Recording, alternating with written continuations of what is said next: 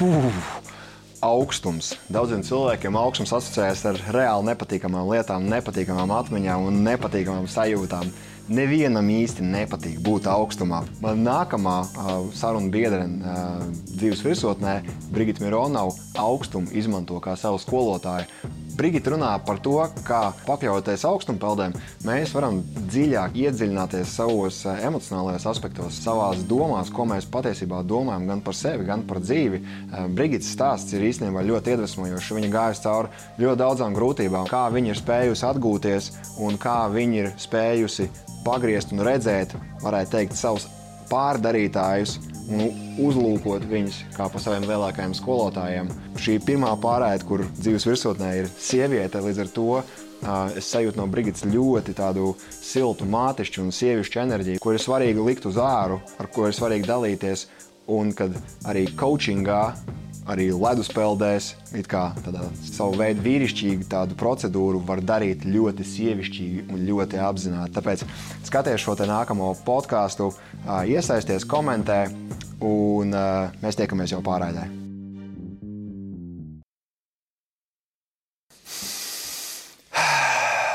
Sveicināti, mīļie cilvēki! Mani sauc Jānis Bruns, un šī ir dzīves virsotne. Ar mani šodien studijā ir Brigita Mironova. Un Brigita ir izaugsmas un iedvesmas trenere. Biznesa vidē tu palīdzi uzņēmumiem un komandām sasniegt gan produktivitātes, gan arī pārdošanas rezultātus. Tu esi ledus skolas vadītāja, dibinātāja, arī ledus skolā, kur pulcējās cilvēku, lai uzturētu savu enerģiju un celtu savu dzīves kvalitāti. Pati tu sev raksturo kā attiecību cilvēku. Brigita, laipni lūdzam dzīves virsotnē. Sveiks! Ir Latvijā ziema, um, tev kā ledus skolas karalienei, kā tev pašai liekas, mums ir ziema Latvijā. Jā, ir jau, nu jau ir, nu jau ir. Es uh, jau priecājos redzēt uh, Facebookā dažus video, kur uh, ledusskolas absolventes uh, tēlo ledlaužus, iet ūdenī un uh, lauž to ledu, un uh, tas tiešām izskatās ļoti jauki. Un, uh, man prieks, ka ar vien vairāk cilvēku sāk to darīt. Un, uh, man šķiet, tas dod iespēju sabiedrībai kļūt tādai jaudīgākai un veselākai. Parunājam vairāk par augstumu, jo daudziem cilvēkiem augstums liekas kā diskomforts un nepatīkami patiesībā asociācijas. Kur tu rodi spēku un enerģiju tajā visā procesā? Tajā, ko īstenībā tas iedod. Jo nu, ūdens nav ilūzija. Ūdens silts nepaliek. Nu, viņš vienmēr būs augsts. Nu, tas tā ir. Un katru reizi jau sanāk tikai drusku tās diskusijas ar sevi, kad nu, varbūt šodien nē, varbūt tā kā nevajag. Bet um, uh, tu saproti to resursu, kas ir tajā iekšā, tad, kad tu dabūni to, varbūt to mikro sevis pārvarēšanu un uh, nu, iegremdēšanos tajā ūdenī. Nu, es to salīdzinu ar tādu baterijas uzlādēšanu. Tu, tā kā, tā kā no apakšas līdz augšai ir, nu, ka tie stabiņi zaļie. Ja? Viņš, viņš jau vūk, uzlādē tevi, un tu vari aiziet pa to dienu. Tā kā, nu, pasak man kaut vienu iemeslu, kāpēc es no tā atteiktos. Man augstums pašam ir pēdējo trīs gadu, man liekas, instruments, ko es izmantoju. Nu, laikam jau dien, dienā, kad man ir augstums pieejams. Es esmu daudz dzīvojis arī siltās zemēs, kur tas diezgan nožēlojamā stāvoklī, ja, kur ūdens plus 22 visu laiku ir, man ļoti pietrūk. Bet uh, es biju starp cilvēkiem, kuriem augstums, godīgi sakot, ļoti nepatika. Un, uh, tajā brīdī, kad mani pierunāja pamēģināt iet ziemā peldēties. Es biju gājis pirms tam, protams, no armijas laikiem, gan izdzīvošanas treniņus un apmācības, kur nu, bija jāiet cauri uh, ziemā upē. Ja, nu, tās nebija labās pieredzes, bet, pēc, bet tur tas bija man piespiedu kārtā. Tur man bija tas man bija darba pienākums. Šeit man pēkšņi vienā brīdī piedāvāja cilvēku, nu, tu varētu iet brīvprātīgi, un man bija priekš kam. Jo man tas likās nenormāli sāpīgi, nenormāli augsts, nenormāli dievs, pēc tam drebinies rokas, sāls, neko nevar rokās noturēt. Ko cilvēki gūst patiesībā no tā? Jo tur es, es sapratu, ka tur ir ārkārtīgi daudz mītu ap to visu. Un uh, pastāst varbūt vairāk, kāda cilvēkam ir iegūma no tā, ka viņš sev uh, kā ekspozo, jeb izpauž uh, augstumam, augstuma peldēm. Tur ir ļoti daudz, un es ticu, ka katram cilvēkam tas varētu būt arī kaut kas savs man tas uh, pirmais, kas ir, nu, protams, veselība, daudz spēcīgāka imunitāte un stiprāks ķermenis, tas ir pats par sevi. Un uh, man tā ir ļoti liels skolotājs un arī tāds treneris manai nervu sistēmai un manai uh, spējai darīt lietas dzīvē. Jo, jo sanāk tā, ka tu it kā pārvari sevi kaut kādā ziņā, un uh, tu ielien tajā ūdenī. Tu ielien ekstrēmā situācijā priekš savu ķermeņa. Tas ir pilnīgi nu, dzīvībai bīstama situācija, kurā tu atrodies. Un tu ielieno tur iekšā, ka visas tavas sistēmas ķērts un ārdās, meties ārā, jo tas taču ir drausmīgi, tev tur sāk sirds daudzīties, āpus izciet, vēl kaut kas notikt, un tu tur paliec. Un tu tur paliec, un tu tur nomierinies. Tu tur atslābinies, un tu burtiski izšķīsti tajā ekstrēmajā situācijā. Un tas ir tas, kas man ir ļoti daudz devis manā dzīvē, mācīt būt, nu, tā kā ļauties un iet cauri arī situācijām, kuras varbūt nav e, tās vieglākās dzīvē. Un mums jau viņas uz katru stūri ir. Nezinu, tur konflikts ar bērnu vai tur vēl kaut kas, nu, netaisīt varbūt tādas uh, drāmas tik lielas vairs savā dzīvē un būt mierīgākai. Un iet cauri savai dzīvē ar tādu lielāku mieru un īstenībā pārliecību. Tā kā es gribētu teikt, nu, bez tiem fiziskajiem iegūmiem, kas pats par sevi ir ļoti daudz, tur nāk ļoti daudz arī tādi garīgi un emocionāli, kur tu ieraugi to savu iekšējo jaudu un spēku caur to. Tamdēļ es ārkārtīgi priecājos par visiem cilvēkiem, kas to sāk darīt, jo es nezinu kas, bet tur var atšķirt ka viņš to dara, nu viņā ir tas drēvs, viņā ir tā dzirkstele, viņā ir tā enerģija. Un, uh, lai tu dzīvē kaut ko darītu, viss jau sāks no enerģijas preizi. Ja nav enerģijas, tad tev nekas arī nesanāk. Ja tev ir enerģija, tad tu vari attīstīt. Nav laika, nav tāds termins, nav laika, nav enerģijas. Nav, nav enerģijas. Tur jau tā lieta, nav enerģijas. Cilvēkiem nav enerģijas. Un, un šis ir kaut kas ļoti pirmatnējs, kaut kas ļoti tāds. Mm, īsts, dabisks, kas neko neprasa īstenībā, nekādus papildus tur resursus, nezinu, tur kaut kādu mēmo gatavošanos vai kaut kādu aprīkojumu vai vēl kaut ko.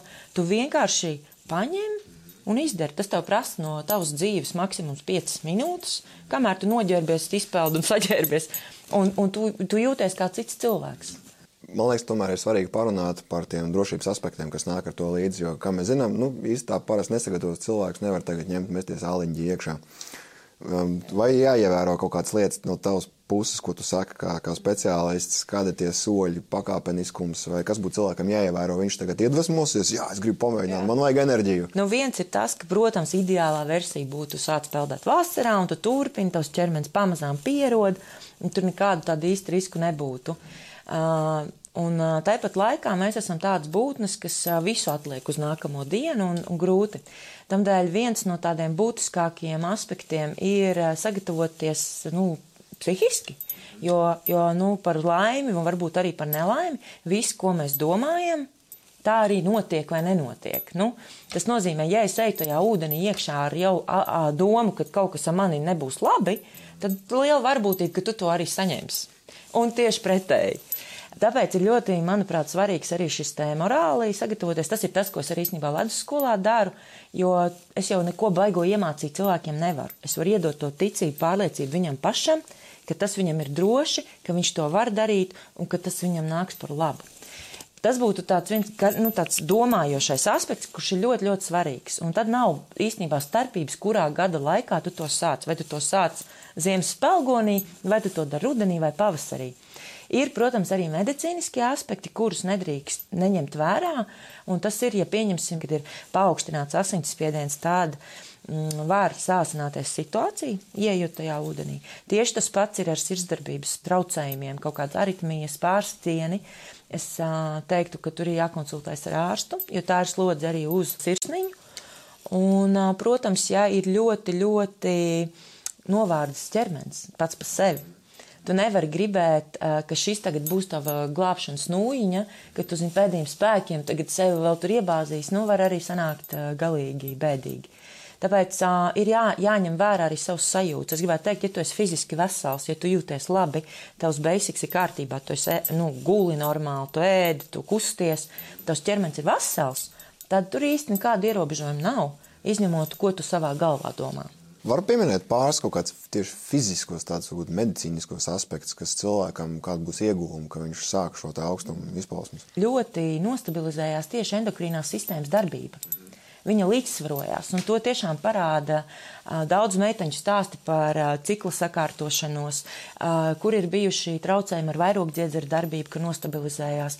Ir bijuši man cilvēki, kuri cieši no nereālākās svīšanas, vienkārši svīst. Un viņš sāk peldēt, viņam tas sakārtojās. Viņš vairs nesvīst, viņš necieš no tādām kaut kādiem karstuma viļņiem vai vēl kaut kā. Tā, tā ir tāda viena ļoti nu, praktiska, reāla lieta. Hormonālās sistēmas sakārtošanās, kas ir ļoti liels pamats mūsu dzīvošanai, labai dzīvošanai kā es saku, tas ir tāds laimes kokteilīšu iespričēšana vēnā pēc peldas, jo visi cilvēki, kas izkāp no aliņģiem, viņi ir šausmīgi priecīgi.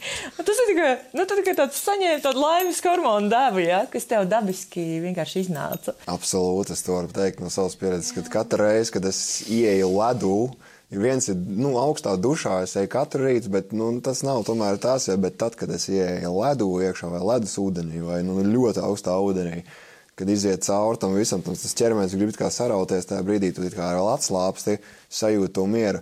Tu izkāp ārā, tu vienkārši esi ar to smaidu, tev liekas, tu esi paveicis kaut kādu varoņu darbu vienkārši. Tomēr, kā pārvarēt to, to emocionālo, mentālo aspektu, kad man personīgi ir tā, ka katru reizi, kad es stāvu tajā dušā un man ir tas augstais ūdens jāpagriež, ir katru reizi man izskatās kā pirmā reize, kad ir, nu, varbūt tomēr šorīt nē, tikai jā. Bet kā pagriezt to krānu vieglāk? Kā es to, to varu pateikt? Vienkārši darīt. Paņemt un uh, pavākt malā visus tos uh, gaustus, kas ar tevi runā, jo manīm arī viņi runā. Un, un vienkārši tu ignorē to, nu, slēdz ārā. Un, kas ir pats labākais, ja tas var iedot kaut kādu iedrošinājumu, ka jo biežāk tu to izdarīsi, jo vieglāk tev tas nāksies, jo tavs sistēmas jau iemācās. Nu, tu izveido sevi ieradumu, neņemt galvā tos savus prokrastinātoru vai diskusijas gaustus, kas ar tevi tur runā. Tu vienkārši ņem un dari. Un, un, un tas maģiks ir tajā, ka tev paliek ar vien vieglāk. Tas nenozīmē, ka vispār nav, bet tev vienkārši vieglāk ir izslēgt to dialogu un sākt darīt. Un atkal, tu to izdari ar dušu, un tu to izdari ar citām lietām. Tur, kur tev ir nu, tā kā liekas, ka neticu, negribu, nesanāk, mm, un tu vienkārši ņem un dari. Noteikti šis tas emocionālais aspekts nāk ārā tajā brīdī, tā sevis pārvarēšana. Jo apakšā sākās runātājs, jā, atrunās vai tās balstiņas jā, sākās. Jā. Vai tu esi arī caur šo te ledus, caur augstumu peldēm nonākusi pie kaut kādām dziļākām atklāsmēm par sevi? Varbūt arī garīgā aspektā vai dziļā emocionālā aspektā, kad emocijas sāk nākt augšā, pa kurām tu pat nemaz nezināji, ka viņas tur tādas ir. Vai tev bijusi tāda pieredze, vai tu redzi savos, savos klientos to? Es noteikti redzu, jo tur parāda kaut ko arī citreiz vaļā tādu, ko cilvēks pat nav gatavs. Ļoti arī, nu, tā kā tu kļūsti ievainojams, jo tāpēc, kad uh, tad, kad tu ej tajā ūdenī, tevī ieslēdzas visas tās aizsardzības lietas, kas nu, mūsos klasiski veidojās, lai mēs tā kā sev pasargātu. Un nevienmēr viņas ir adekvātas vai objektīvas. Viņas bieži vien nu, sakrājušās, ir tā tāda mūra siena no dažādām nelabām pieredzēm, un viņš viss tā kā ir. Un tā, kad tu ej tajā ūdenī, kaut kādā ziņā visas tās pašas aizsardzības tie mehānismi tur darbojās, un tu to pārvari, tu tur ieeji, tu tur atlaidies, tu atļaujies tam ūdenim, un tad ir tā, ka tā siena, nu, ne visiem, bet gadās kādam sabrūk. Un tad ir tā ievainojamības sajūta, bet tāpat laikā tu saproti, ka tu nenomiri no tā, ka tu esi dzīvs. Un tā ir fantastiska skola, ko augstums arī var iedot. Protams, tas nav visiem, un te ir tā viena nianses, ka nelikt ekspektācijas, jo bieži vien man tā nav vai man tā nesanāk. Tas ir savā veidā nu, ņemt nost tos uh, slāņus, ar ko mēs gribam sevi aizstāvēt, jo visas tās domas, tie dialogi, tā jau ir mūsu aizsardzības programma, kas ir mūsos savākusies no pagātnes. Un, un tu, tu vienkārši ņem un pārver to. Bet te atkal man gribās um, teikt, ka tas nav jādara tādā agresīvā un tādā nu, sevi spīdzinošā veidā. To var izdarīt ļoti apzinātā veidā, ar tādu mieru, ar tādu ļaušanos un centrēšanos uz sevi. Tieši tāpēc es vairs arī ūdenī nepeldu. Es kā, nu, sāku ar peldēšanu, un tagad ir tas, ka vairs nē, Jo man patīk tā doma, ka es ieeju tā kā mierīgi iekšā, lēnām, pilnīgi fokus uz sevi, savu ķermeni, savu elpu, savu apziņu, un kad es ļaujos tam augstumam. Ka es ļaujos tajai situācijai, un tur notiek kaut kas maģisks. Kas notiek, visā. kas notiek tajā brīdī, kad augstums tev pārņem, kaut kas iet caur tavai sistēmai, caur prātam? Mm, tā ir tāda pilnīga būšana šeit un tagad, pilnīgi tāda sakonekt, saslēgšanās ar dabu, ar to brīdi. Tu tu pazūd viss, nu, kaut kādas, nezinu, tur domas, vai nu, tas ir tas brīdis, kad tu tiešām esi šeit un tagad. Tu tā kā sazinējies ar, ar, ar sevi, ar dabu, un, un nu, tas ir kaut kas nu, ļoti baudīgs. Lai cik jocīgi tas neizklausījās, tā ir baigā bauda. Būt tieši tajā ūdenī un atļauties tam. Sajust komfortu, diskomfortā. Jā, mm. izšķīst tajā. Mm. Sievietes augstuma peldētājs ir daudz, mm -hmm. bet nav daudz treneris, kā tu, kas pasniedz to visu un kā vada. Un, um, man vienmēr tas liekas interesanti, ir, kā no vīrišķās perspektīvas ļoti vienkārši, vai ne? Kā tu teici, jā, aiziet, kā piemēram Vims Hofs, jā, just do it, vienkārši ej iekšā, breathe, elpo, jā, viss iekšā. Bet kā sievietei, tas man liekas ļoti fenomenāli, kad tieši to sievišķo aspektu, kā tu atrodi sievišķo aspektu, vai kā tu pasniedz savam arī klientiem, kurus sievietes ir, kā tu, kā tu nodod to sievišķo sajūtu, ka bāc nepazaudējiet to. Pastāst par to varbūt tās. Jā, nu, es biju arī mācīties uz Nīderlandu pie Vima par instruktoru. Man bija doma, nu, uh, ar Brigitu vien nepietiek, ka vajag vēl arī Vimu, jo nu, tas tā kā dod to credibility, vai to, nu, tā kā, nu, tad es būšu pietiekami laba tajā, ko es varu darīt. Un es aizbraucu, es izmācījos, es sapratu to, nu, ok, tur nav, nu, ka tas, ko es daru, ir jau ļoti ok, un tur tieši šis aspekts man negāja kopā ar manu iekšējo sajūtu, ka man vajag to visu plūstošāk un maigāk. Un tā mana eh, pieeja tam visam ir drusku caur citu prizmu. Nevis uh, uh, uh, bet tiešām caur fokusu uz sevi, uh, savu iekšķiņu, savām sajūtām un tādu ļaušanos. Un iespējams tas ir tas sievišķais aspekts, kas varbūt man negāja kopā. Un es neko nesaku viņas, un tas viss ir fantastiski, un tas, ko viņi tur izdara, tas ir brīnišķīgi. Un, un tā pieredze viennozīmīgi man ļoti daudz deva. Tas, ko es vairāk fokusējos, ir šī sajūta, šī ļaušanās un tas maigums. Caur šo it kā iešanu ārpus, tā kā izaugsmi, bet ar maigumu pret sevi. Nu, tā ir tā, tāda, tāda ļoti, ļoti nu, mīļa būšana pret sevi. Kā to šo maigumu un apziņotību jūti iegūmus savā ģimenē? Tev ir trīs bērni, pareizi.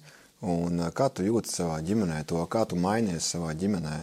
Es neklēju uz bērniem, es varu būt daudz mierīgāka un man var netraci, neiz, neizvest tik vienkārši dažādas lietas, nu, kaut kādas sadzīviskas sīkumi, tur es nezinu, nekārtība istabā vai ka man tur visu laiku kāds rausta. Nu, ka es esmu iekšēji centrētāka un mierīgāka pret, pret, pret apkārtējo vidi un līdz ar ko es esmu iekšēji tā, tāda veselāka, stabilāka un uh, tie cilvēki, kas ir manējie un apkārt, Viņi var no manīm dabūt to paļāvību, to mieru, to mīlestību un to atbalstu.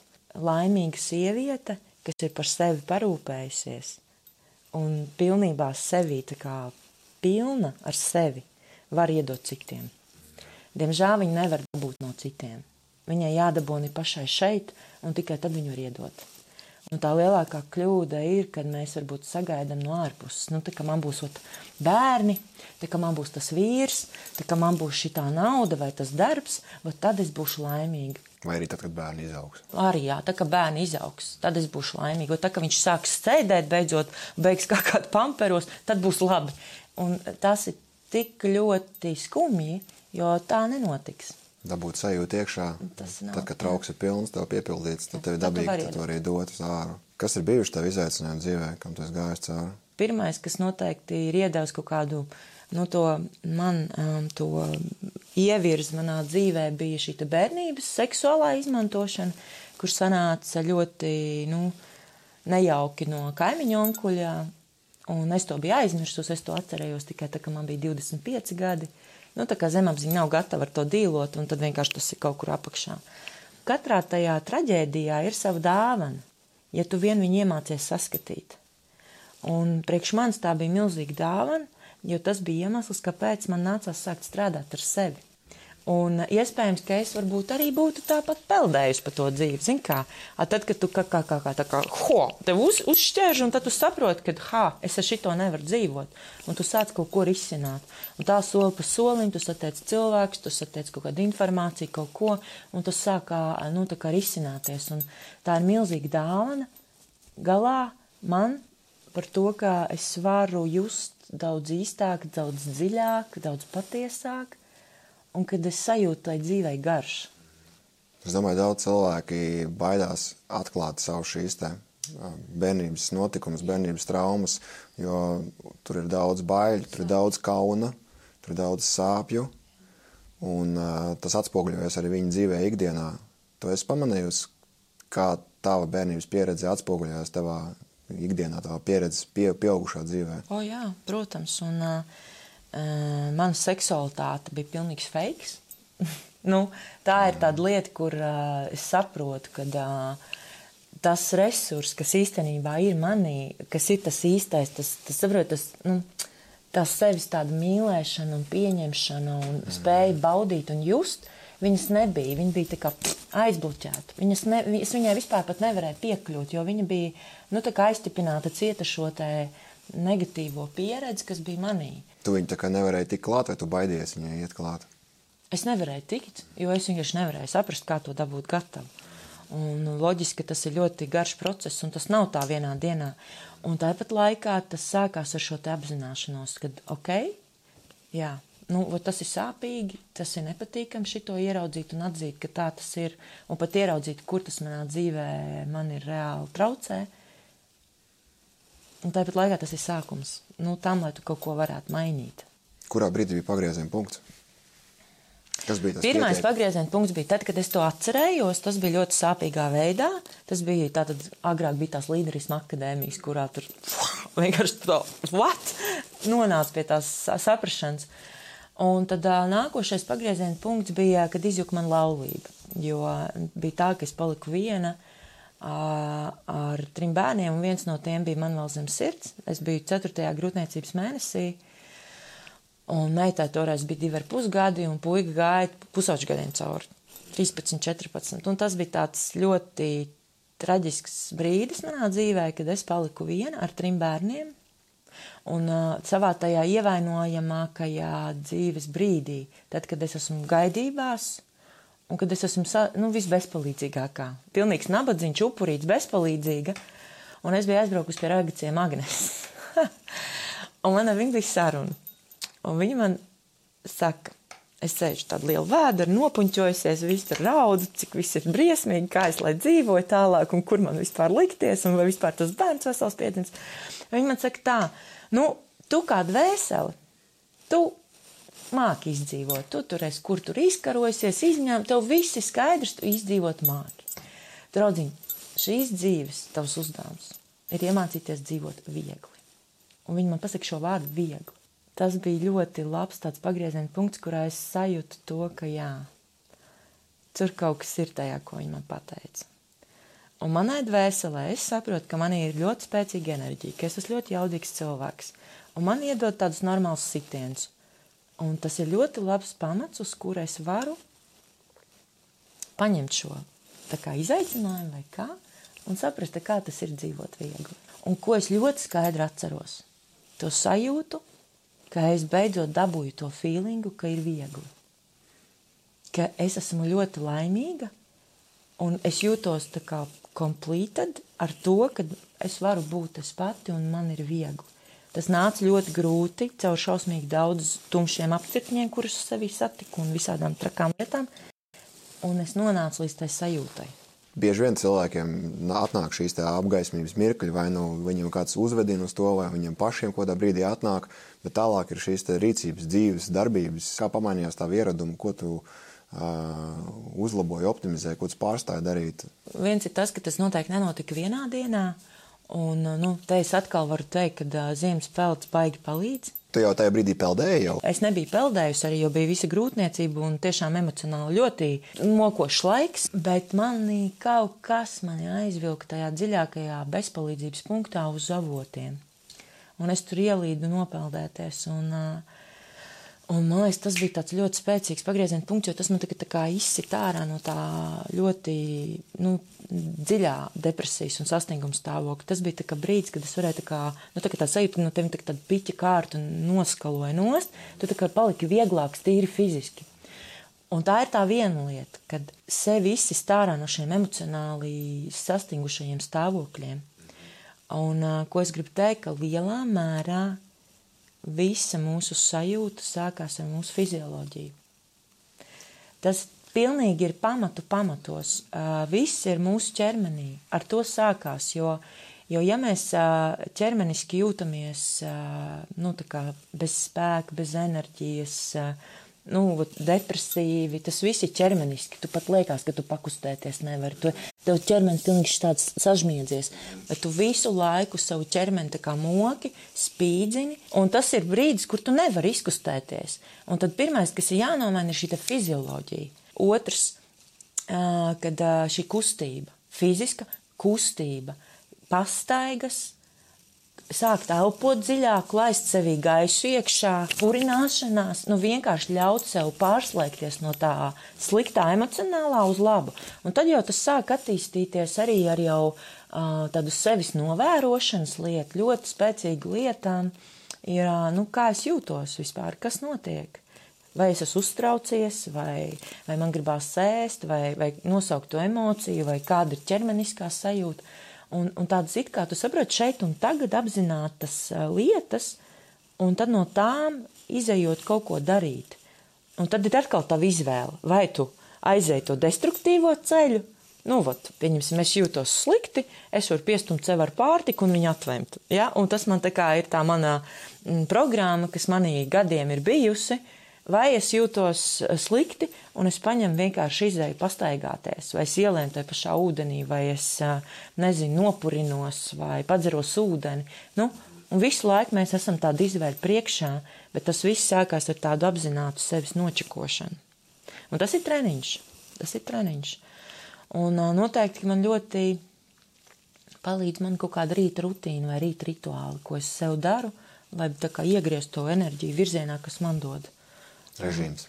Režīms, protams, viennozīmīgi. Jo, jo viena lieta, kur es, pieņemsim, priekš sevis sapratu, gribētu ļoti daudz visu laiku kaut ko izdarīt.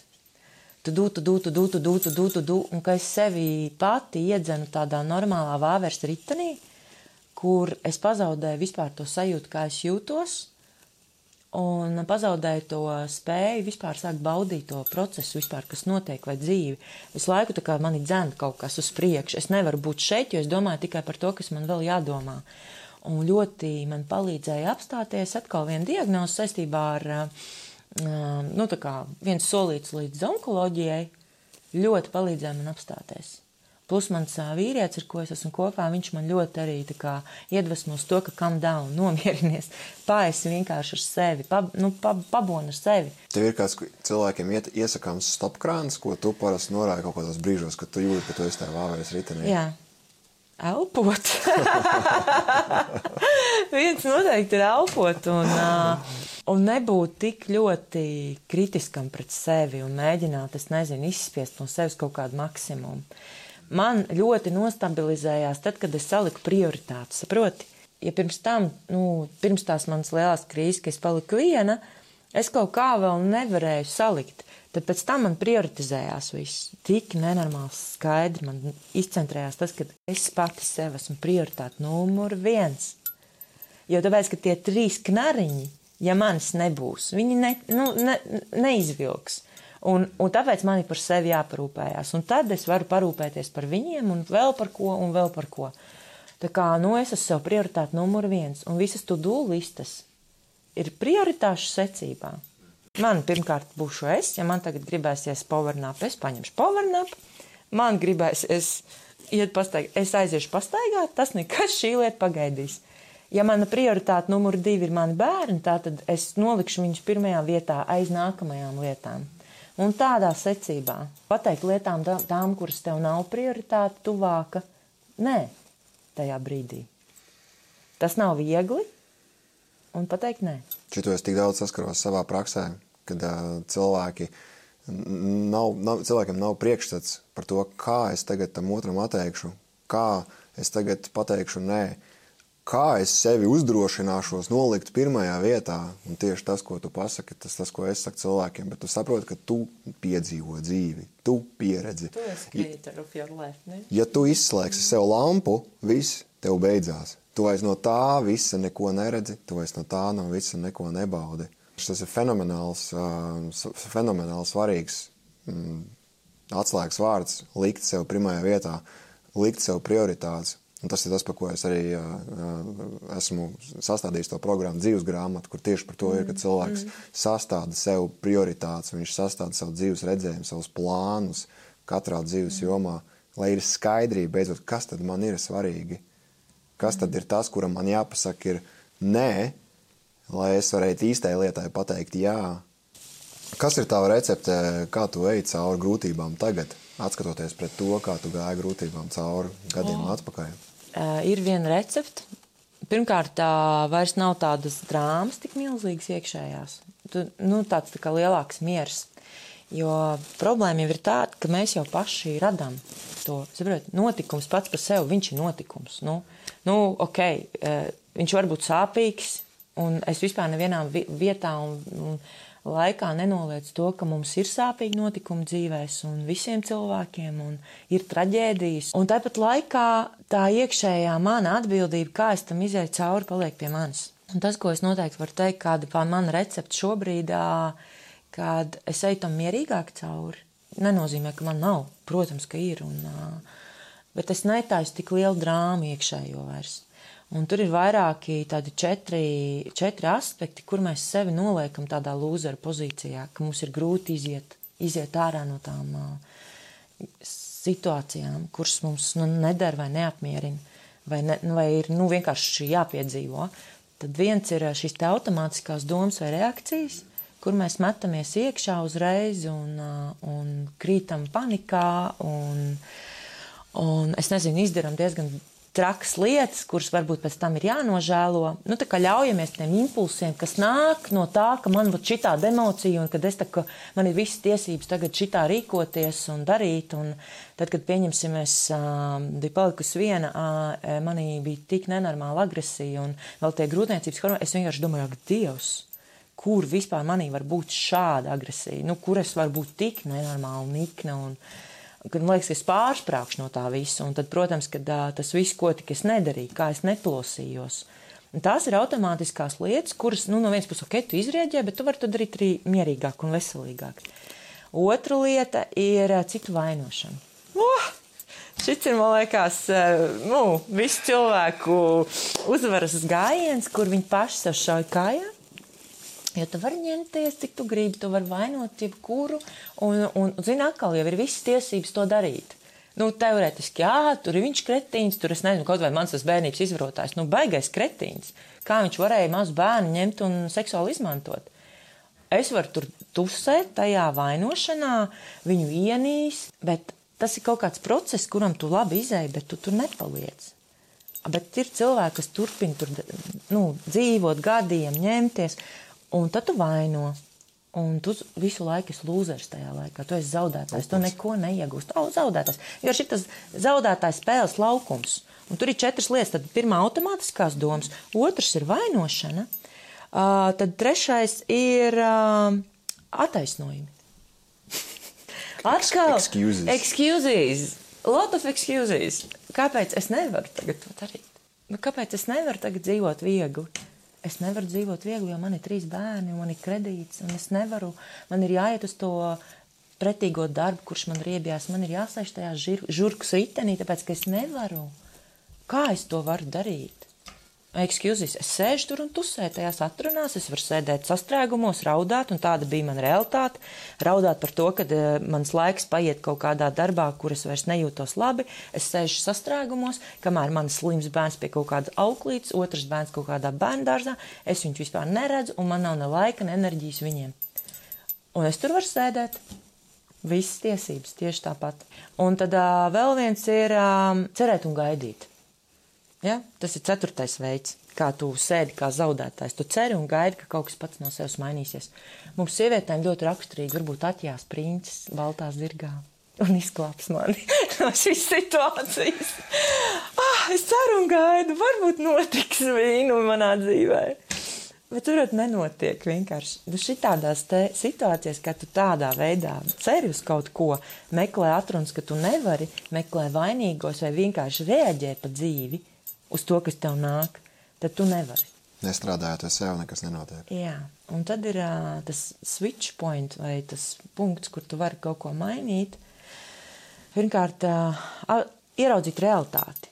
Kāda tad ir tā realitāte? Nu, tā kā realitātes pārbauda. Un, uh, tas ir tāds, nav viegli, jo tāpēc, ka tu nevari tik vienkārši atzīt sev. Jo tu visu laiku gribi vilkties atpakaļ šajos te vai nu vainīgo meklēšanā, vai atrunās, vai nu, labāk neko nedarīt, jo ir, tas ir tas brīdis, kad tu vari neuzņemties atbildību. Saproti par to, kas notiek tavā dzīvē. Kaut gan tu pats to visu esi radījis. Arī es savā dzīvē Es nezinu, kā ir bērnība, varbūt tur kaut kādas karmiskās lietas. Man negribētos atzīt, ka es tur kaut ko esmu radījusi. Bet viss, kas nāca vēlāk, es pati to radīju.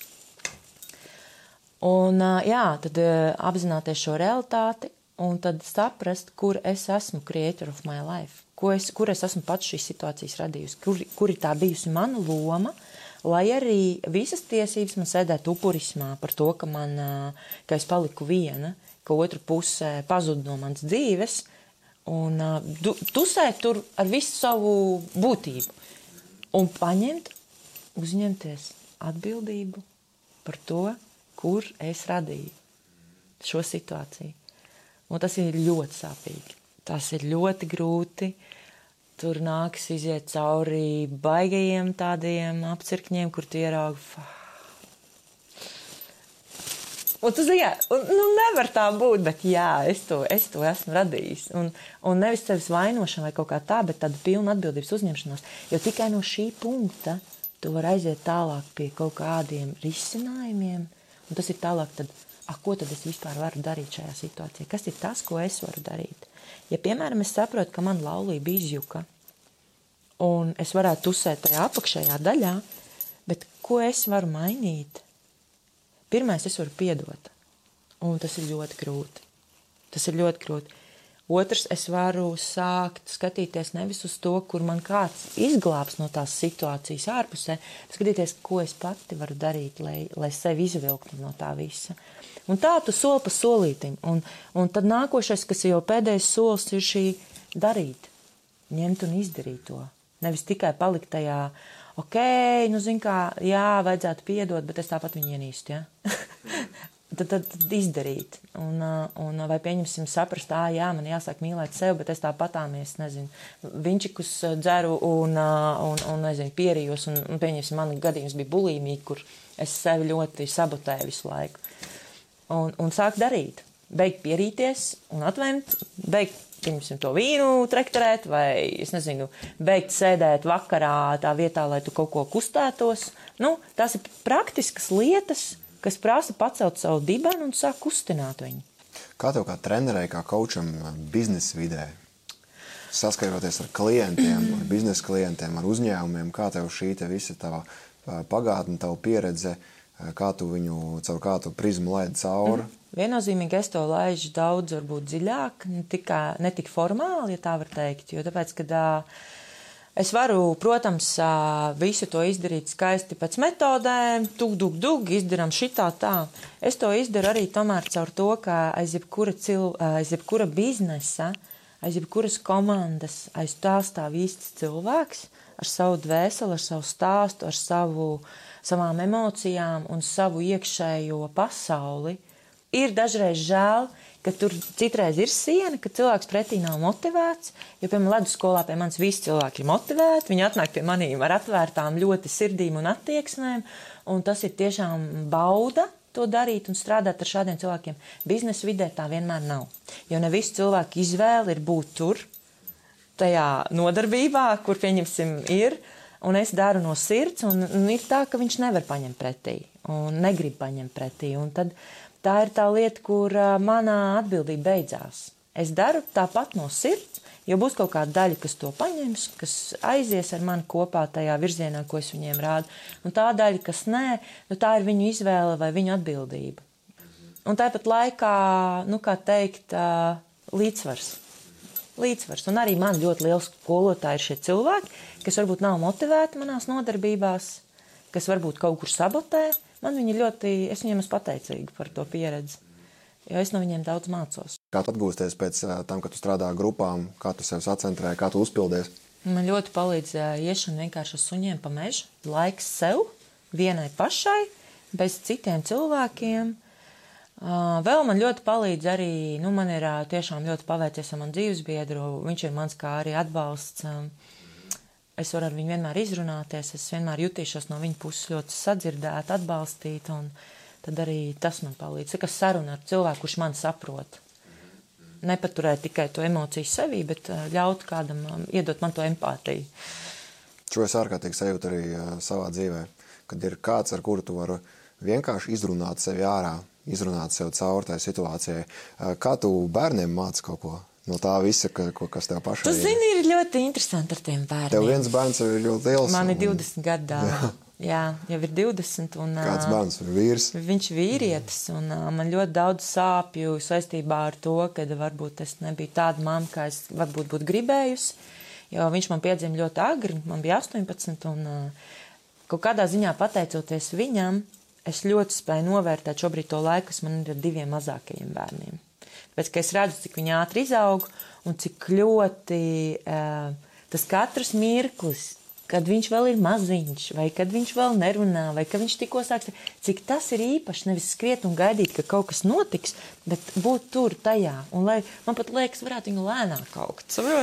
Jo nu, viņi tik ātri. Un izbaudīt tiešām to katru mirkli, kad viņi ir, negaidīt, ka viņi augs ātrāk. Un uh, mana atbildība pret bērniem ir būt laimīgai. Vienīgais, kas man ir jādara, man ir jābūt laimīgai. Jo, ja es būšu kā mamma laimīga, mani bērni būs laimīgi. Neko jau tu iemācīt pa lielam nevar. Es saprotu, tas atkal ir ilūzija. Vai tas būtu, man liekas, iedomīgi domāt, ka es viņiem kaut ko varu iemācīt? Es viņiem varu rādīt piemēru ar sevi, kā es dzīvoju, ko es daru, kā es jūtos, un viņš no tā paņem. Viņš uzsūks. Tas ir, tas ir vienkārši tāds maģiks. Un, un tur var Protams, tu vari avansēties kaut kādās audzināšanas metodēs, tur nezinu, veidos, kā tur labāk ar viņiem rīkoties. Un pamatiņš ir šis. Tas man atgādina, kā bērns izkrīt no šūpoliem vai izkrīt no, nokrīt, nokrīt no, no, no kaut kādiem uh, celmiem. Viņš ko pirmais dara, skatās, ko mamma tajā brīdī rīkojās. Un, ja mamma ir ārprāts, viņš sāk raudāt. Viņš sāk raudāt, tāpēc, ka mammai panika. Viņš saprot, ka tas mm. ir slikti. Viņš mācās no, no nu, tā, bērni, viņi tā ko paņem vienkārši sajūtās. Mm -hmm. Tas ir tāds nu, spogulīts. Kā tu savu karjeru principā, atceries, kā tu gājusi cauri, ko tu vēl darījusi? Tagad tas ir pār, principā, gan kaušu uzņēmējiem, tu vadi ledus skolu. Principā tu esi kā, kā lielisks piemērs cilvēkiem. Bet kur tu sāki? Es sāku kā tirzniecības pārstāvis, un tad es aizgāju diezgan pārdošanā. Tad tas laikam man dabiski tā spēja komunicēt. Tirzniecības pārstāvis, nu tad jau tur diezgan ātri attīstījos uz jau lielākiem tiem amatiem, un tad uh, pārdošana, pārdošanas vadība. Nu, ilgu laiku vienmēr es esmu jutusies tā kā, ka es pat saņemu vairāk nekā es esmu pelnījusi. Jocīgi sajūta. Saprotat? Tagad vairs man tā neliekas, bet kādreiz man tā likās, ka man vienmēr maksā vairāk nekā man liekas, ka vajadzētu maksāt. Jocīgi. Ko tu iesāki ar to, ka tev nāca un, un tev bija iekšā šī sajūta, kāda to? Nē, es tā kā ņēmu, saprotu, nav jau tā, ka nē. Un, un tāpat laikā es ticu, ka vēl vairāk es būtu varējusi iet, nu, atvērties tam potenciālam, kurš īstenībā manī ir. Es tagad to saprotu, ka man ir nereāls potenciāls. Ko es vajadzēju vērt vaļā? Jā, jā, jā, jā kad tā kā ļaut tam visam brucināties nost, kas man tur ir uz, uz, uz, uzkabināts, ja tā kā tie maisiņi. Profesionāli arī sanāca, ka es tā kā gāju, gāju, gāju, bet kaut kādu ilgu laiku, kad es jau strādāju apdrošināšanas nozarē, man ļoti riebās jau tas darbs. Man tas viss likās fake, neīsti, kā man tas vairs nepatīk. Man nepatīk uh, sēdēt kaut kādās sapulcēs, kaut ko runāt, kas man vairs vispār neinteresē, un tu tā kā ej, un tu dari to tā kā pienākumu pēc, tāpēc, ka tev tas ir jādara, nu tas, ko es minēju. Un uh, tas bija 2008. gads, kad es sapņoju par to, kad mm, kā man māja, un tur skaistas mm, koki ārā, un es no rīta ar kafijas krūzi. Kā man gribētos to sajūt, ka es varētu būt pati sev saimniece. Un es par to tā sapņoju, tu nevari iedomāties. Un uh, nekādi netiku ārā uz to, ka es varu sev būt saimniece. Jo nu, tās vietiņas ar vien siltākas, algas ar vien lielākas, amati ar vien labāki. Visu laiku tu no viena aizēji, tev jau piedāvā citu. Tev piedāvā citu, tad tev iemet tādā bedrē, kur tad, nu, visu objektīvi iemesli tev neļauj nu, aiziet prom no ļoti siltām vietām. Un es atradu veidu, kā pamazām, pamazām no tā tikt prom. Vienkārši bija šī vēlme, uh, Un, uh, tas noteikti nav jādara tā, ka tu, man patīk no Lauras Denlers, ko viņa man ieteica arī, ka nevis vienkārši tagad, o, oh, viss, es vairs nestrādāšu, es uzrakstīju atlūgumu un es metos tagad pa krauju lejā, kur dzīve nesīs, tur lidošu. Es to nevaru atļauties. Nu, un es domāju, neviens cilvēks. Nu, ja nu vienīgi tu esi vientuļš un tev nav kredītu un nekas tāds, jābūvē tilts un jāiet lēnām. Bet pirmais ir atļaut sev noticēt, ka es esmu vispār pirmkārt tā vērta, ka es varu dzīvot tādu dzīvi, kā es īstenībā gribu, vispār arī zināt, kādu es gribu, un atļaut sev sapņot un atļaut sev ticēt, ka tas ir iespējams. Un atnāca man cilvēki manā dzīvē, saprotat, tas notika tādā tempā, tad, kad tu atļāvi sev. Ienāk cilvēks tur, Tā ir iespēja. Un atkal drosme saņemties un paņemt to iespēju. Atnāk tev tur cilvēki, kur tev atkal ir iespēja. Tu viņu dari, nu, pieņemsim, kā piemērs, ledus skola. Es taču nekad nebūtu iedomājies, ka es kaut ko tādu varu darīt. Kaut kādus cilvēkus iedrošināt līst augstā ūdenī. Un tas jau sākās ar to, ka man cilvēki palūdza, vai es varu. Un es jūtu, jā, nu tas sanāk, un es saņemu to atgriezenisko, un es saņemu citu cilvēku atbalstu un ticību, un tālāk tā ir mana atbildība - ņemt un to darīt, turpināt un attīstīt, un ticēt sev. Piemēram, ar treneru darbu. Es sev pateicu, ka es to varētu darīt, ka es to gribētu darīt, un tad man nāca iespēja Elīna Pelčera, kas ir treniņu glabā vadītāja, Viņa saka, atnāc pie mums, novada mums demo treniņu. Un jā, viņi ieraudzīja manī potenciālu Elīnu, viņa man noticēja, viņa man deva šo iespēju. Tu domā, man nebija bail? Es domāju, ka es vienkārši nomiršu pie pirmā treniņa, kas man bija jāvada. Man bija, es jutos, nu, šausmīgi nobijusies. Un tā ir atkal mana atbildība paņemt un noticēt sev un to izdarīt. Un jebkuras lietas uzrakstīt atlūgumu darbā kur man ir stabilitāte, kur man ir alga, kur man ir veselības apdrošināšana, kur man ir sociālās garantijas, paņemt, uzrakstīt, iesniegt. Un arī tas darbs vispār no visiem eh, parametriem ir ļoti labs. Un man nav neviena iemesla pateikt, sorry, guys, I don't like it anymore. Viss man tur liekas labi, ar prātu, bet šeit nekas vairs nav. Saprot? Un, eh, un tās ir eh, reāls rīcības, kur tu dabūni ļoti ieskatīties sevī, un ko es tev teicu, ieraudzīt realitāti, atzīt sev, un tad pieņemt lēmumus un, un darīt. Tur pārdošanā principā tas tāds tā kā savā veidā ķilnieka atbrīvošanas pārunas ir, ne? Kaut kādā brīdī, kad tur ir iesaistīti daudzas šķautnes, tur ir gan intereses, tur politika, finanses, ego, Jā. Pretējā pusē, un kā, kas ir, kā, kas ir tavs pārunu vešanu triki? Tā, jā, jā, mans labākais variants, tu saproti, līdzīgi kā ar augstumu. Kad es to paņemu caur šo te baudīšanu, caur tādu sajūtu un caur tādu jā, fanu no procesa. Augstums, jā, es to tiešām tā arī paņemu. Un pārdošanā, tad, kad es to sapratu, tieši tas pats.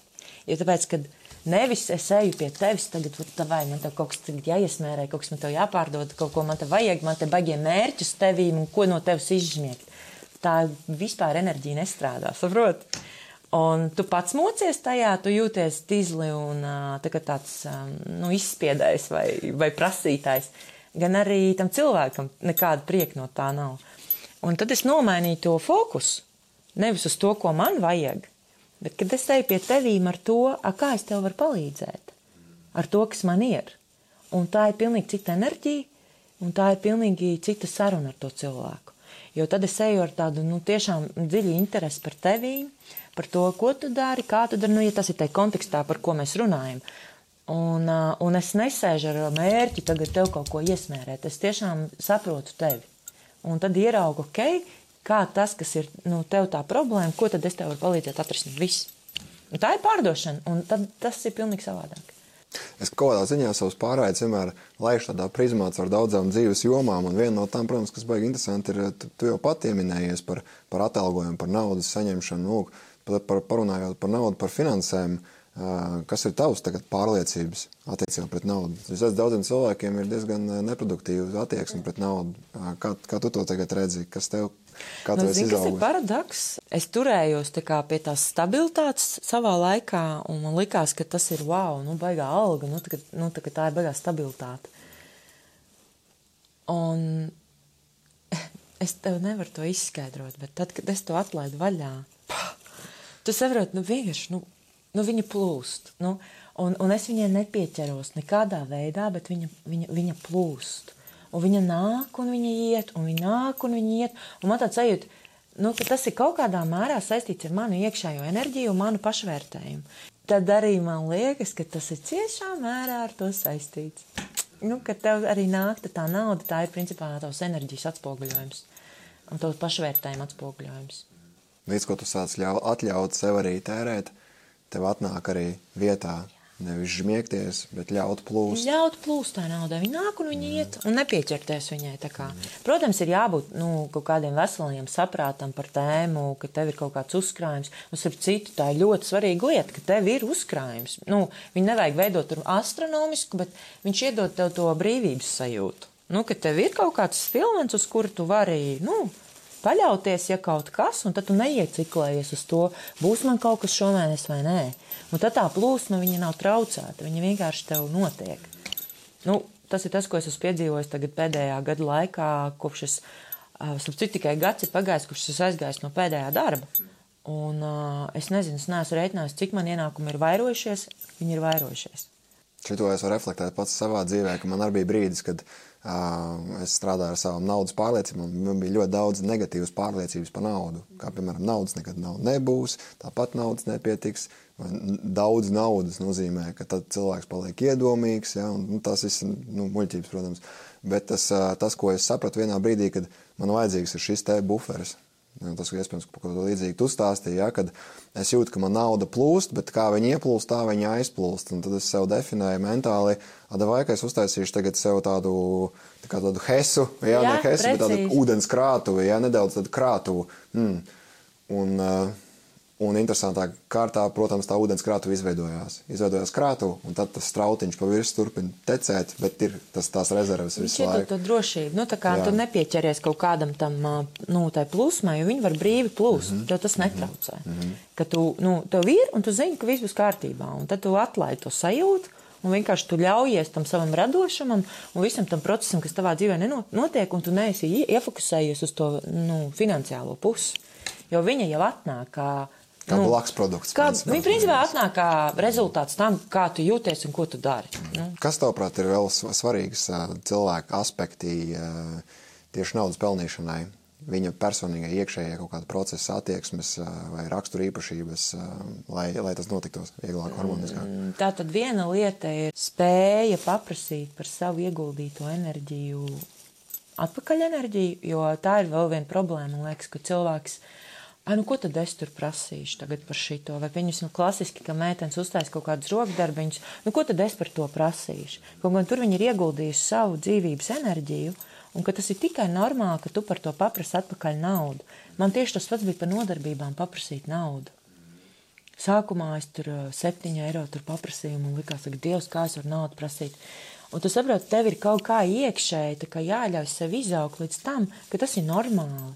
Nu, tā ir atgriezeniskā saite tam, eh, ko tu dod. Un cilvēki jau ir gatavi to dot. Vienkārši tev pašam ir jāatverās tam, ka tu esi gatavs to nu, paprasīt pirmkārt un paņemt.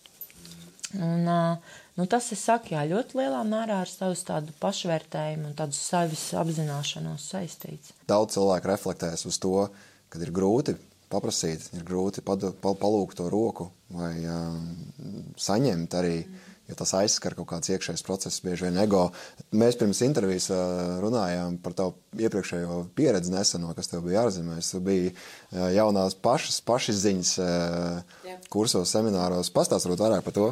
Jā, nu, sakot, man bija iespēja mācīties vienā personības izaugsmas treniņā, kur viena no sadaļām ir šī te, nu, darbs ar sevi un bailes no atteikuma. Un tas nāca laikā tieši tad, kad es arī esmu izveidojis biznesa vidē jaunu programmu, saucas atteikuma terapija.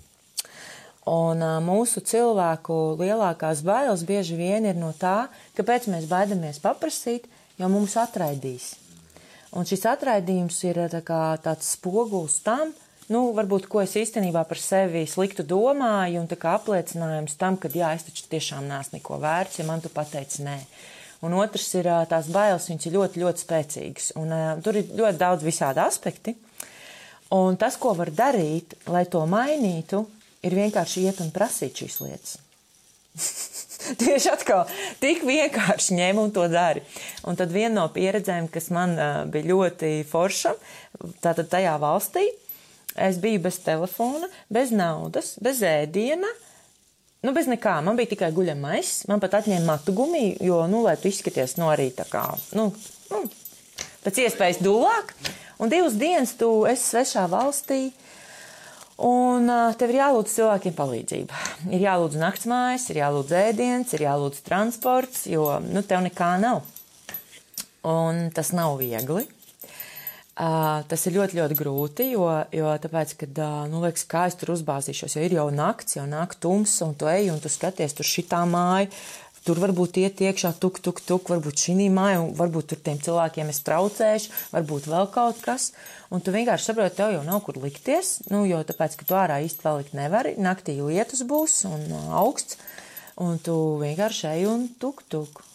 Un vai jūs varētu lūdzu man palīdzēt, vai es varu pie jums palikt pa nakti?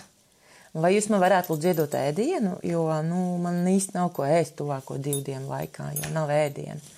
Vai jūs lūdzu varētu man aizvest, jo, nu, kas ir dīvaini, kad uh, stopotājs Nīderlandē īpaši ne, neņem. Tu vari iet 11 km, un tev vienkārši neviens nestājās. Un tu nāks lūgt palīdzību.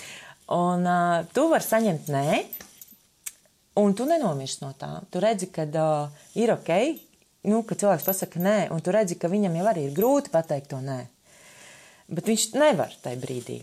Un tu vari saņemt jā, un tu vari saņemt tik ārprātā sirsnīgus jā no svešiem cilvēkiem, un tu saproti, cik cilvēki ir labestīgi savā būtībā un cik ļoti viņi ir gatavi tev dot. Vienkārši tāpat neprasot pretī. Ehm, tā priekš man laikam bija tāda vislielākā nu, tāda pieredze, kur uh, kur es varēju sajust to cilvēku sirsnību, kāda viņi ir īstenībā. Un, un atkal tas ir tavs spogulis. Ja tu esi gatavs atvērties tai sirsnībai un pieņemt un teikt paldies, un, un, un ja cilvēks tev ir gatavs uzņemt savās mājās, tad tu arī to dari un to ar atvērtu sirdī esi gatavs, nu, tā kā iet viņam pretī. Tas ir ļoti, ļoti skaisti. Tu viņai stāstīji, ka tu esi programmas ietvaros, tur, vai to es nedrīkstēju stāstīt? Bija, bija, mums bija tā kā ID kartas nofotografēta, jo tāpēc, ka cilvēki jau reāli var baidīties, kas tu tāds esi, un tur ir ID karta man nofočēta, nu, un otrā pusē ir nīderlandiski uzrakstīts, ka tas ir šīs apmācību programmas ietvaros, un ja kas viņi var piezvanīt, piezvanīt uz to organizāciju, plus tā ir to pašu cilvēku izvēle, vai viņi grib šim cilvēkam palīdzēt vai nē. Tas viss tur teksts ir uzrakstīts, jo, jo protams, kad ir šur tur arī valodas barjeri, ka tie cilvēki jau nemāk varbūt runāt angliski vai, vai varbūt izliekās, ka nemāk. Un, nu, tas viss, protams, tur apakšā ir, jo cilvēki tu vispār, nu, paliec nekur. Bet tā, es sapratu vienu lietu, kad mēs varam izdzīvot jebkuros apstākļos, jebkurā vietā, un mēs neesam vieni. Ja mums dažreiz liekas, ka mēs esam vieni pat ar saviem mīļajiem mājā, mēs neesam vieni arī esot, pieņemsim, es nezinu, citā valstī bez nekā. Tas ir mūsu pašu izvēle, vai mēs esam viena vai nē. Brigita, pastāst, kāpēc tu to darīji? Tā ir pieredze, tā ir eh, lielāka brīvība, tā ir lielāka mīlestība mm. pret sevi, pret cilvēkiem. ir jocīgi, mēs to darām, bet tāpat laikā tas uh, iedod šo spēju. Tā ir tā augšana, kaut kādā mērā augšana. Un man tā iekšējā vēlme un tieksme attīstīties un augt, viņa visu laiku dabiski ir. Un man liekas, tas ir tā kā dabā, nu, kad viņš vai nu aug, vai viņš, vai viņš iet bojā. Un tad tas ir veids, kā es augu. Nu, kad es um, aizēju pie tevīm, aizbraucu uz Nīderlandi, vēl kaut ko interesējos, mācos, klausos tavus podkāstus, klausos citu cilvēku podkāstus. Es, es, es, es augstu pēc uh, jaunas pieredzes, informācijas, kas man veido kā. Tas laikam daudziem skatītājiem vai klausītājiem varētu būt nes, nesaprotami nedaudz, kāpēc es tev sevi tā tik ļoti bāzu tajā diskomfortā, kur patiesībā tā atbilde ir tik ļoti acīm redzama. Tās kvalitātes, kuras tu gribi sevī vai kur tu jūti, kurus tev trūkst, kurus tu gribi attīstīt, tad acīm redzot, ieliec sev tādā situācijā speciāli, Jā. lai tu izaugtu. Es izaugu, es iegūstu brīvību no bailēm. Un, uh, tas ir saku, viens no maniem uh, nu, treniņiem, ko es esmu izveidojusi Latvijā tieši pārdošanai un vispār uzņēmumiem, ir atteikuma terapija. Un tā ir uh, metode, kur cilvēki iet ārā uz ielas un mērķiecīgi prasa cilvēkiem lietas, uz kurām viņi var saņemt atbildi nē. Un uh, tad mēs izējām cauri visai šai emociju gammai, kas ir tā sakarā, ka tu uh, saņem atbildi nē. Tu speciāli paprasti kaut ko tādu, uz ko tev atbildēs ar nē. Un tu saproti, ka no tā nemirst. Ka tā ir mūsu iekšējā drāma, kas šo uh, raisa. Un cik daudz īstenībā mēs iespēju savā dzīvē zaudējam, no tā, ka mēs nepaprasam. Jo mēs jau esam uztaisījuši pieņēmumus, ka viņam jau to, nu, viņš, viņš pateiks man nē. Kas tev ir laime? Kā tu raksturot? Kas ir laime? Kas padara Brigita laimīgu? Nu, šajā, šajā dzīves posmā, es liekas, varētu teikt, um, tāda rītīga pieņemšana, sevis pieņemšana. Ja tu varētu pateikt no malas, skatieties uz Brigitas un tagad vērot sevi, Ko tu no malas teiktu, kas ir Brigitas superspēja? Mm, drosme. Drosme. Tāpēc, kad uh, visi tie tarakāni, ar kuriem nākas saskarties, tas prasa drosmi ar viņiem. Tā kā, ok, tu te esi, nu, labi, ko darīsim tālāk, ja? Un uh, tā ir drosme. Un uh, arī rīcība pēc tam, nu, tā kā drosme rīkoties. Es gribētu teikt, tā ir man superspēja drosmi rīkoties, neskatoties uz to, ka ir bail. Jo tas arī ir tā atslēga, kāpēc arī kaut ko es esmu izmainījis savā dzīvē. Un pieņemsim, ja tev būtu kaut kāda maģiskajā veidā pieejama iekārta, kurš iPhone uh, slēp ārkārtīgi, bet ir pēkšņi iespēja paņemt iPhone, nu, to superīgāko brīnumu telefonu un uzvanīt sev 20 gadu vecumā. Mm. Un otrā pusē ir halo, Ko tu teiktu tai 20-gadīgajai Brigitai? Es viņu varētu vienkārši samīļot. Tāpēc, kad, um, zin kā ir, es, es par to domāju, nu, kad tā, tā dzīve tāda, kāda viņa man ir bijusi un veidojusies un kas ir noticis, tas jau ir radījis man tādu, kāds es šobrīd. Un es nezinu, kas būs tālāk, nu, to mēs neviens nezinām. Iedot to lielo mīlestību, kas varbūt manī ir uzražojusies pa šiem gadiem, tai Brigitai, kas bija toreiz, lai viņai būtu tas, uh, nu, Nu, tā jauda iziet cauri tam, kam viņai bija jāiziet tiem, tajā laikā. Ja gandrīz 20 gadi jau būs. Kā tev nākotnes plāni? Nu, vispār man diezgan daudz mērķu sarakstīti. Noteikti attīstīt savu ledus skolu. Tas ir vēl viena ļoti tāda, nu, lieta, kas ir tāds mans tā kā bērniņš, kuru ceturtais bērniņš, ko es gribu lolot un attīstīt, un uh, tur ir diezgan daudz tādas darāmas lietas, kas saistībā ar maniem biznesa treniņiem, vēl jau vairāk tur nostabilizēties un darboties. Un, un pats galvenais nepazaudēt to iekšējo to kaifiņu caur visu to, ko es tur darbojos. Man baigi patīk ķert kaifiņu no tā visu, ko es daru. Mm -hmm. Ledus skola tu vairāk adresē sievietes vai vīriešus vai abus? Vai ir tā, ka man jau liekas, ka it kā sievietes nāk arī vīrieši pie manis. Uh, un uh, ir ok arī vīrieši, un es jūtu, ka viņiem ir arī labi, viss viņiem, nu, viņi paņem un, un jūt. Jo es pamanīju vienu lietu darbā ar vīriešiem tieši, ka uh, man kā sieviete ir tā iespēja viņiem iedot to, tā to enerģiju, tā tādu ticību viņiem, to iedvesmas daļu, kas uh, parasti vīrietis, vīrietis tur ne, nesenāk šitā daļa. ja es esmu kā sieviete ar vīriešu, piņas komandām, kad arī strādāju, es jūtu, ka tur ir tā, tas fenomens, ka, ka nav konkurence, bet ir tas, ka es, es ticu viņu potenciālam un kad es varu izcelt viņu to burvību jau, kas viņos ir. Tā kā tur ir tā nianses, kāpēc es negribētu teikt, ka es nevaru strādāt ar vīriešiem, un man ļoti patīk strādāt ar sievietēm. Ļoti. Ko tu novēlētu praktiski pēc šīs pārraides noklausoties vai noskatoties uh, skatītājiem? Praktiski. Praktiski. Vienkārši sāciet peldēt ciemā, ko es varu pateikt. Ja kāds vēl nepeld, jo man ir sajūta, ka peld jau visi. jo mans uh, timelines ir tikai un vienīgi ar peldētājiem. Man nav vairs sajūta, ka kāds nepeld. Bet, bet atnāk ar vienu jaunu cilvēku, saprotu, ir kas nepeld. Tikai sāciet to darīt, jo tas ir resurs, kas mums ir pieejams tepatās. Es tev nevaru nepaprasīt, protams, Kur tu redzi elpošanu tajā visā? Elpa, atslēga, lai tu tiktu uz to mieriņu tajā ūdenī, ir elpa. Jo, ja tu nedabūni elpu un nelaid ārā to caur elpošanu, tu nevari pārslēgties. Un principā elpa ir slēdzītis.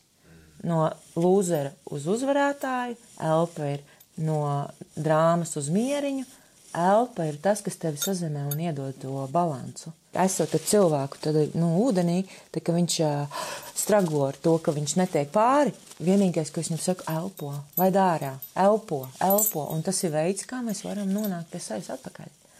Tev ir kāds specifisks vingrinājums, ko tu vari ieteikt cilvēkiem? Man ļoti patīk pašai arī Vimhofa elpa. Es viņu no rītiem izmantoju. Tad man uh, ir šī tā, nu, tā atslābinoša, tu viņu sauc par atslābinošo elpu. Tas ir uh, tas, kā tu vari dabūt vaļā to, nu, ārā to saspringumu, kas tev ir, vai kaut kādu stresu, un diafragmālā kas ir kā puncīti elpot un līdz 5 un izlaist, un līdz 5 un izlaist. Un tas tev nu, stabilizē un līdzsvaro.